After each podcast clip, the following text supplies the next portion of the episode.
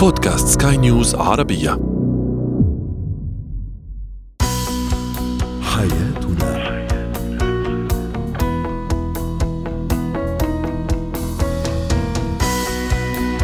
أهلا بكم مستمعينا الكرام إلى حياتنا برنامجكم اليومي الذي يعنى بشؤون الأسرة وباقي الشؤون الحياتية الأخرى والذي يمكنكم متابعته على بودكاست سكاي نيوز عربية. معي أنا طيبة حميد.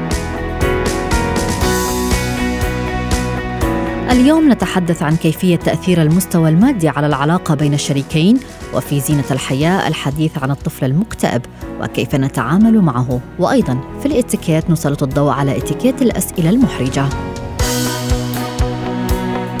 هو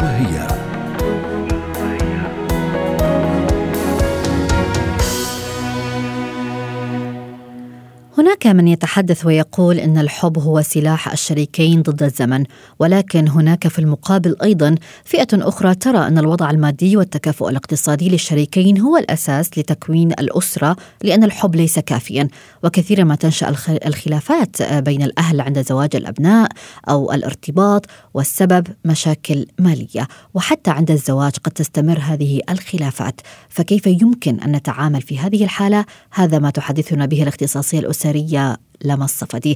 أهلا بك أستاذة لما معنا ضمن حياتنا. يعني هناك من يقول إن المال هو عصب الحياة الزوجية، ما هو رأيك؟ وهل يجب أن يكون هناك تقارب في المستوى المادي بين الشريكين قبل الزواج من الأساس؟ اولا بأنه إذا قلنا بأنه المال هو أساس عصب الحياة الزوجية، المال هو آه، استقرار. لا لا يستطيع أي إنسان أن ينكر بأنه الوضع المادي يعني هو إذا كان جيد خلينا نقول هو يعني استقرار لأنه ال- حاليا نحن بحاجة إلى التفاصيل اليومية حتى تستمر الحياة ولكن لا يعتبر هو أساس للحياة الزوجية ولا يعتبر هو مقياس على استمرار أو عدم استمرار نمط الحياة الزوجية، التجارب في الحياة متنوعة وفعلا هي على أرض الواقع يعني من ما أشاهده من علاقات ممكن يكون وضع مادي ممتاز وتكافؤ مادي ولكن تكون العلاقة من أسوأ العلاقات وممكن العكس أن تكون العلاقات بوضع مقبول أو حتى أقل قليلا ولكن دائما هناك في دافع للتحسين نحو الأفضل ممكن أن تكون مستمرة. نعم. فبالتالي الموضوع هو آه، لا يعتبر أساسي لنجاح العلاقة ولكنه مهم. يعني ألا تتفقين أيضا آه، يعني آه، أستاذة لما مع فكرة إذا ارتبط الشخص آه، إذا ما قلنا وضعه المادي ليس بنفس مستوى الفتاة هل هناك مشاكل سوف تحدث على أرض الواقع؟ أم يستطيعون أن- يتجنبوا هذه المشاكل ببعض آه، الخطوات أو التصرفات البسيطة؟ كمجتمعات عربية كسيكولوجية المجتمع العربي نحن آه، بمجتمعنا فقط العربي طبعا أكيد هي الثقافة بأنه مسؤوليات الحياة هي من نصيب الزوج أكثر. من نصيب المرأة يعني المفروض هو اللي يكون عنده الاستقرار المادي العمل هو اللي يساهم حتى بأكثر بتكاليف الزفاف تجهيز المنزل في بعض المجتمعات ربما تشارك الفتاة ولكن بالأغلب الزوج هو المسؤول. فبالتالي آه، وضع المادي للفتاة ليس هو هون محفز. ولكن النقطة الأهم بالموضوع إلى أي مدى شريكة الحياة هي قد تكون وجودها وإن كان نقول وضعها إن كان تعليميا أو ماديا مساهم لو هذا الزوج تعرض لأي حادث يعني إحنا لا سمح الله صحيح. أحيانا نسمع بأنه الزوج تعرض لحادث سير تعرض لشلل فرضا هو لا يستطيع القيام بواجبات الحياة. فهون المسؤولية أنه هل هذه الزوجة لديها ال- القدرة المادية للتكملة؟ هل لديها شهادات تبحث عن عمل جديد؟ أو أحيانا حتى هي سيكولوجية التفكير. للأسف أستاذة أحيانا هذا ما أشوفه حتى في الاستشارات كثير من الشباب يبحث عن زوجة لا تفقه شيئا في الحياة. ويعني أقصى أحلامها ماذا سأطبخ اليوم؟ وبتكون هو شرطه الرئيسي في الموضوع. لكن بالعكس على أرض الواقع أنت تحتاج دائما إلى سند إلى زوجة مثقفة واعية آه، لديها أحلام في الحياة لأنه الحياة تشاركية لا ندرك متى يحتاج أحد الطرفين الآخر نعم وفي المقابل أيضا هناك من يبحث على الزوجة التي تعمل وأيضا لكي تستطيع أن تسانده أو تساعده في هذه الحياة. طيب ماذا لو انتقلنا إلى ما بعد الزواج لو حدث ظرف طارئ وكان الطرفان في أزمة مالية حقيقية، كيف يجب أن يكون التعامل لتجنب المشاكل بين الشريكين؟ أكيد هي تحدث وحدثت وخصوصا حاليا نحن مع وباء كورونا والتدهور الاقتصادي اللي بالعالم أجمع حصل في كثير من الحالات آه بصير هالشيء انت بتعرفي أحيانا كثير بيوصلوني أشخاص سمي عندهم حالة يعني خصوصا الزوجي أحيانا بتكون إنه فقدنا عملنا أنا وزوجي وعقلي لا يستطيع يعني لا أستطيع التفكير حاليا ماذا سنفعل. فهم بهذه الحالة أول نصيحة تكون بإنه مرحلة تسمى هدنة. يعني عدم اتخاذ قرارات خلال فترة مثلا ممكن تكون 20 يوم 15 يوم حتى التفكير يكون منطقي مع تخفيف النفقات مع وضع استراتيجية معينة ولكن الأهم أن تكون تشاركية. وأهم نقطة نصيحة اليوم للأشخاص اللي يمكن يسمعونا وفعلا خسروا وظائفهم أو بمرحلة البحث عن وظائف بأنه ليس الوقت لإلقاء اللوم على أي طرف. لأنه أحيانا يعني عندما تحدث المشكلة تكثر المشاكل. لا بالعكس نحن أمام مشكلة أكبر اللي هي البحث عن مصدر رزق وخصوصا إذا في أطفال. أهم نقطة عدم إلقاء الملامة على أي من الطرفين بالعكس الإضاءة على الجوانب الإيجابية آه، دعم إيجابي لأنه أنت بتعرفي لما يكون في تحفيز إيجابي مثلا الزوج فبيروح بيبحث عن عمل بأي مكان وبيبدأ حتى لو من الصفر وحدثت نعم. ولكن مع سلبيات وإلقاء لوم أحيانا كثير حتى بعض من قصص الزواج تنتهي بالطلاق طيب يعني أيضا دائما ما نجد هناك نقاش حول فكرة إذا يحق للزوج آه، أن آه، مثلا يأخذ من راتب زوجته أو أن يطلب منها المال، ما هو رأيك بهذا الموضوع؟ هو المفروض المفروض بانه هو كلمة يحق أن لا تكون واجبة. هو لا يحق له أن يأخذ من راتبها نحن نتكلم عن مجتمعات عربية وبعيدا عن سلطة القانون يعني في مجتمعات ربما شرع القانون فيها على الدخل وعلى الميراث. لكن نحن نتكلم كقوانين اللي المجتمع الذي نعيش فيها. نعم. هو لا يحق إجبارها على أنه هي مثلا تساهم في الدفع. ولكن بالمقابل لابد أن تكون هي غير مقصرة بواجباتها كزوجة وأم.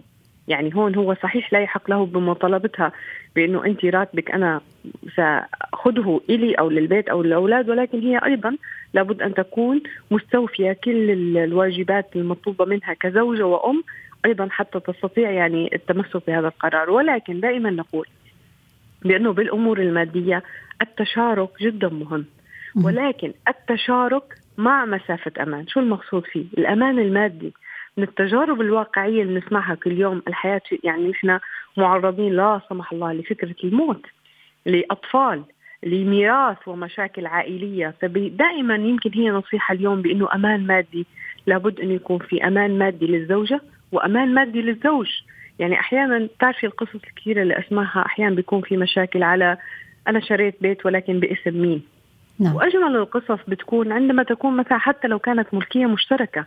فبالتالي هي أمان مادي للزوج وللزوجة وبالمستقبل سيكون للأولاد. جميل، الآن أيضا خطر لي آه، سؤال أستاذة لما يعني حتى مع فترة الخطوبة والتعارف هل يجوز التحدث بكل صراحة عن الدخل دخل الشريكان آه، يعني خاصة هذه المواضيع دائما ما تكون حساسة في بداية التعارف. صحيح آخر قضية وصلتني قضية طلاق كانت لفتاه بفترة الخطوبة أوهمها أنه مدير محل وأوهمها إنه هو عنده إيراد مادي كبير. فاكتشفت فيما بعد إنه مثلا حتى كم قطعة ذهب هو بده يشتريهم وهو يعمل يجير أو يعني يعمل موظف بسيط في هذا المحل. نعم. هي نحن بنسميه اللي هو هو نفاق. يعني حتى هو كذب. يعني حتى في عقد الزواج ممنوع هو يقوم بكلام كذب عن وضعه وحياته. لا لابد أن يكون في استعلام كامل والتأكد من الوضع المادي. والدخل المادي وبناء عليه هي بتاخذ القرار بالموافقة أو الرفض. جميل شكرا لك على جميع هذه النصائح الاختصاصية الأسرية والنفسية لما الصفدي. زينة الحياة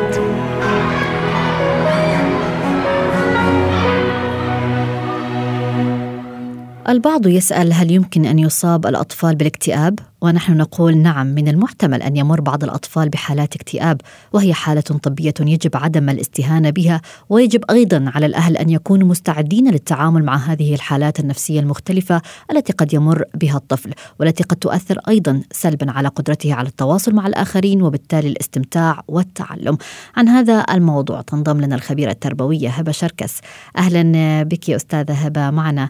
يعني الطفل اذا معرض للاكتئاب لنتحدث قليلا عن أعراض الاكتئاب التي قد تظهر على الطفل في الحقيقة الأطفال أقل عرضة للاكتئاب من من الكبار بسبب نعم. إن مزاج الطفل دايما متجدد آه، ومتغير آه، لكن في الحقيقة في نسبة برضه لا يستهان بها من الأطفال ممكن يعرضوا للاكتئاب آه، بحوالي نسبة 100% تمام. من الأطفال بيكونوا عرضة للاكتئاب الأسباب الأساسية وراء الاكتئاب في منها أسباب لها علاقة بنسميها أسباب بيولوجية بجسم الطفل زي إن كيمياء الدماغ بتاع الطفل ممكن تتغير آه فتسبب له حالة من الحزن الدائم.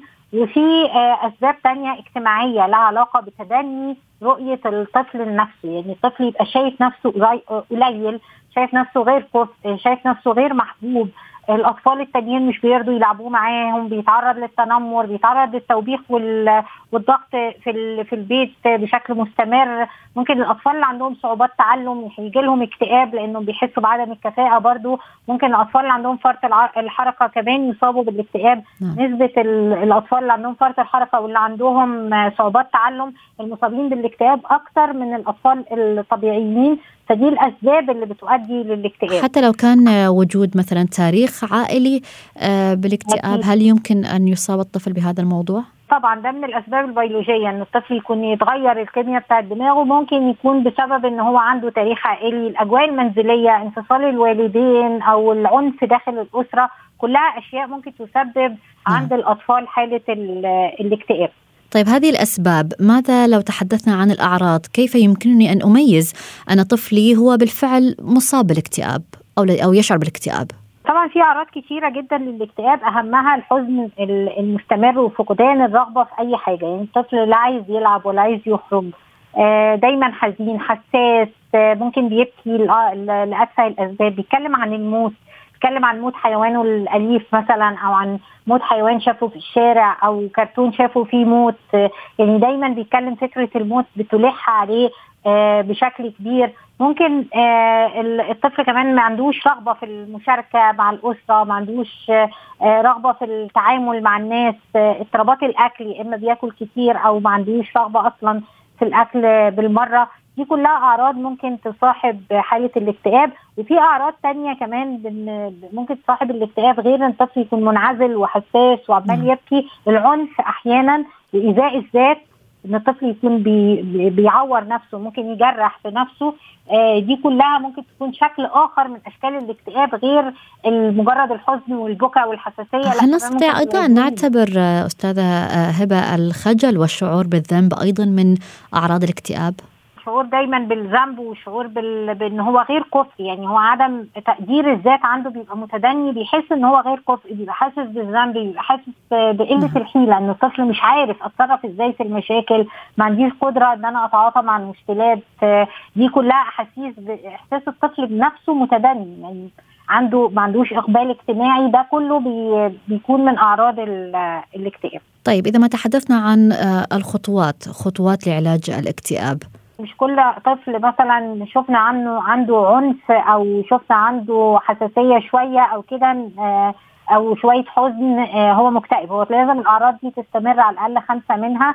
خمسة من الأعراض تظهر عليه يكون من ضمنهم الحزن الشديد والافكار آه، التفكير في الموت تبقى من ضمن هذه الأفكار. تستمر عنده لمدة أسبوعين كاملين.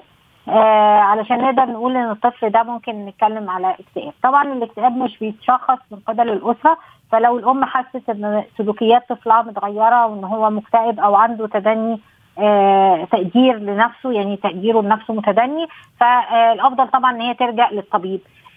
علشان لازم يتشخص. بمجرد ما بيتشخص في عندنا أكثر من طريقة للعلاج.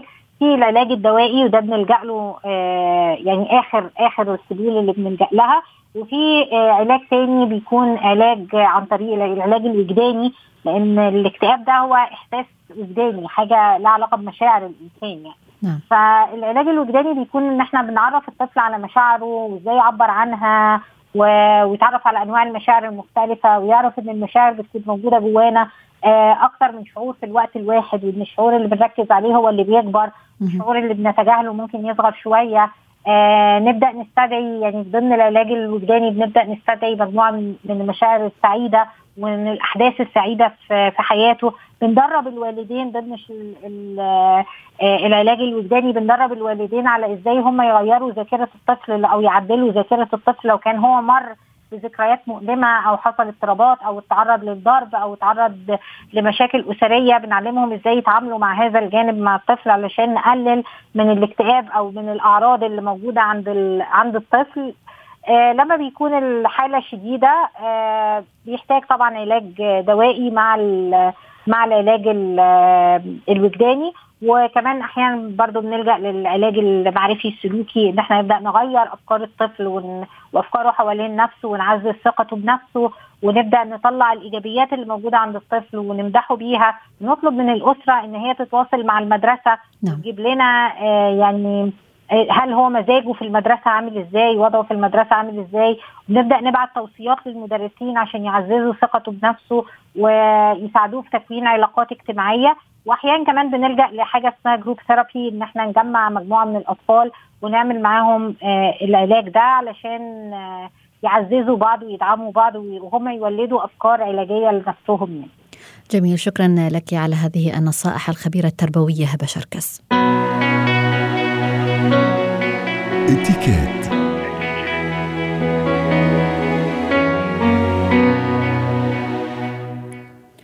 لكل سؤال جواب. ولكن هناك بعض الأسئلة يسألها البعض وتكون مصدر إحراج وضيق بالنسبة لنا. هم قد لا يعلمون إن هذه الأسئلة تقتحم حياتنا وخصوصيتنا. ما يدفع البعض منا للتهرب من الإجابة بطريقة ما وسوف يكون عندها بالتأكيد الموقف محرج وبطريقة ملفتة أيضا. البعض قد يضطر للهروب من الإجابة بطريقة غير لائقة وهناك من يجيب ولكنه بعدها يشعر بالندم. وبين هذا وذاك على ما يبدو هناك قواعد واتيكيت للرد على مثل هذه الأسئلة ومن غير إحراج ولا ضيق. سوف نتعرف على هذه الأسئلة وكيف نتعامل معها مع خبيرة الاتيكيت مارلين سلهب. أهلا بك أستاذة مارلين معنا ضمن حياتنا. يعني في البداية دعينا نتحدث عن الأسئلة التي لا يجب أن نسألها لأي شخص أو قد يمكن اعتبارها يعني تجاوز أو تعدي على خصوصية الآخرين. ما هي هذه الأسئلة؟ هلا ما في شك إنه طبيعة الإنسان هي في حسنات نحن عنا وعنا سيئات. بس بعض الأشخاص بيعتبروا إنه كثرة الأسئلة بتولد صحبه يعني صداقة أكثر وبتولد ثقة. هن ما بيكونوا منتبهين إنه مثل ما حضرتك عم بتقولي في أمور مش مفروض نحن نفوت فيها. مثلا لو كنا كثير صحبه مثل الأشياء الشخصية الأشياء الخاصة البرايفت يعني. آه وبعدين في كمان أشياء بتخليكي هيك تجمدي محلك يعني بيكون سؤال منه مهذب يعني مش مناسب لا لا لحضرتك ومشان هيك نحن بنتلبك لننتبه على هالأمور آه لازم نعرف نحن بالحياة إنه في ناس حشوره ما في شك. وفي ناس استفزازية يعني بتحب تستفز الأشخاص. نعم. ليش عم بقول هالشيء؟ لأنه هيدا بخلينا نحن نعرف كيف بدنا نتعامل مع هالأشخاص خصوصا إذا نحن بنعرفهم، هلأ بعض الأشخاص ما بنعرفهم أم بنكون بنعرفهم بس صرنا زمان يمكن ما شفناهم وممكن يجي يسألونا سؤال هيك يستفزنا. طيب هلأ مش دائما السؤالات المستفزة بتكون آه حشرية. يمكن بردون. بعض الأوقات بتكون آه هو عنده الإنسان مشكلة وحابب يعرف رأيك. مشان هيك دائما نحن بنقول إنه لازم نحن نلبك الشخص مش هو يلبكنا. يعني بمجرد إنه نحن نعرف ما نتلبك لما حدا بيسألنا سؤال. مثلا ولكن هناك أسئلة أستاذة مارلين مثلا آه، من هناك من يسأل عن راتب الشخص آه، من نعم. يسأل عن العمر آه، من يسأل مثلا عن الوزن. قد تكون أسئلة محرجة أو قد تكون أسئلة بالفعل تقتحم الخصوصية. كيف نعم. نتعامل مع هذه الأسئلة؟ البعض قد يفاجأ بهذا السؤال. أكيد. لازم دغري. أول شغلة نحن ناخذها بمزحة. أول شيء فينا ناخذها هيك نتفي بمزح. فينا ناخدها ونجاوب بشكل مباشر بس بتهذيب وب الصوت يعني الصوت نبرة الصوت لها كثير أهمية. مثلا إذا سألني أنا شو قد إيه عمرك؟ مثلا وأنا مثلا من نوع ما بحب أقول عمري. رح كون كثير واضحة أقول له مثلا هالشيء شو بيأثر عليك؟ بشو نعم. أنت بينفعك تعرف عمري راتبي قديش؟ كتر خير الله ماشي الحال. ليش هالشي بيزعجك بشي؟ لأنه ممكن ممكن ليش عم بقول؟ ممكن هو يجاوبني بشكل يقنعني وأقدر أنا أعرف إنه هو عنده مشكلة بهالشيء وممكن أعرف إنه هو حشور بمجرد إني أنا جاوبته بشكل ومش استفزازي رح هو يتراجع. يمكن كمان يتلبك. يعني بمجرد إني أنا مثلا أقول له آه ليش حابب تعرف؟ هيك. بهالبساطة. هو يمكن يعتذر يمكن يتلبك يمكن هو يضحك وتلاقيه هو تلبك لما هو بيتلبك نحن بنرتاح. يعني أهم شيء نقدر نقله بالسؤال لإله. إنه هالشيء شو اللي بينفعك فيه؟ ليش حابب تعرف؟ آه شو بهمك؟ هالموضوع بالذات. عندك انت حضرتك أي مشكلة؟ انه ولكن البعض أيضا عندما نقول آه، لهم آه، مثل هكذا رد قد يشعرون بالأحراج أو قد يردون بطريقة نعم. نعم. دفاعية. نعم. بتعرفي إنه نحن بحق لنا كمان نقول بعض الأوقات إنه أنا مش حابب أحكي عن هالأمور. هذا نعم. شيء كثير خاصة فيي وهيدا مش قلة تهذيب ابدا. وفي أنا أقول له إنه هلأ مش وقته هيدا الحديث. يعني هدول الأمور مهم تنقال بشكل مهذب.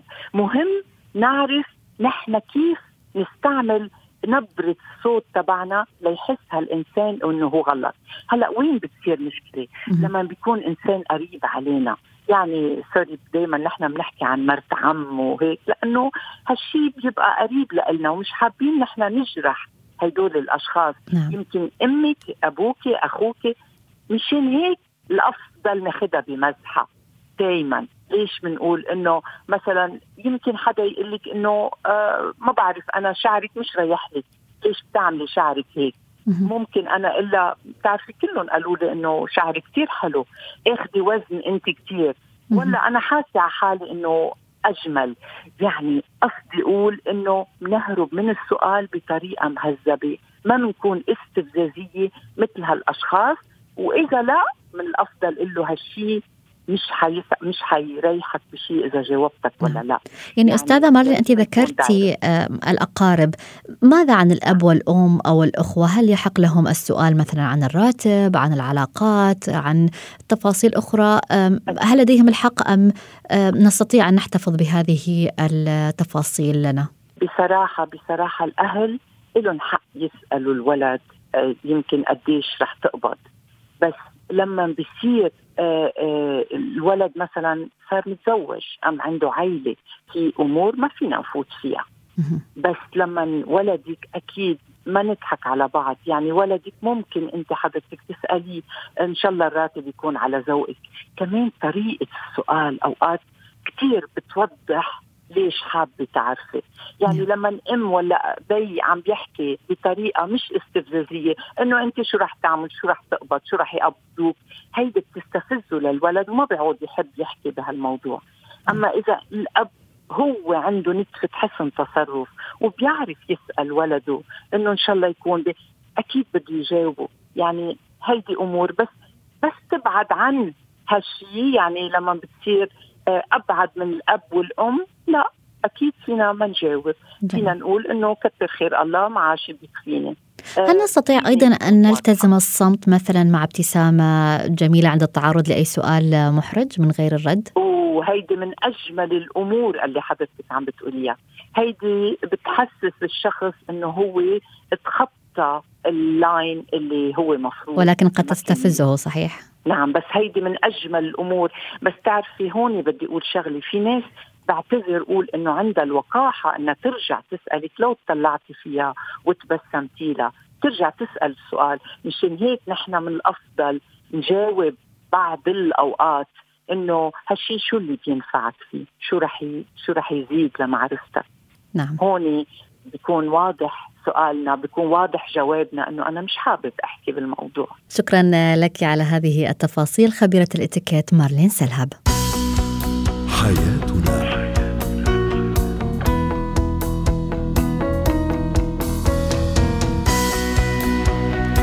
نهاية حياتنا مستمعينا الكرام هذه تحياتي كنت معكم أنا طيبة حميد.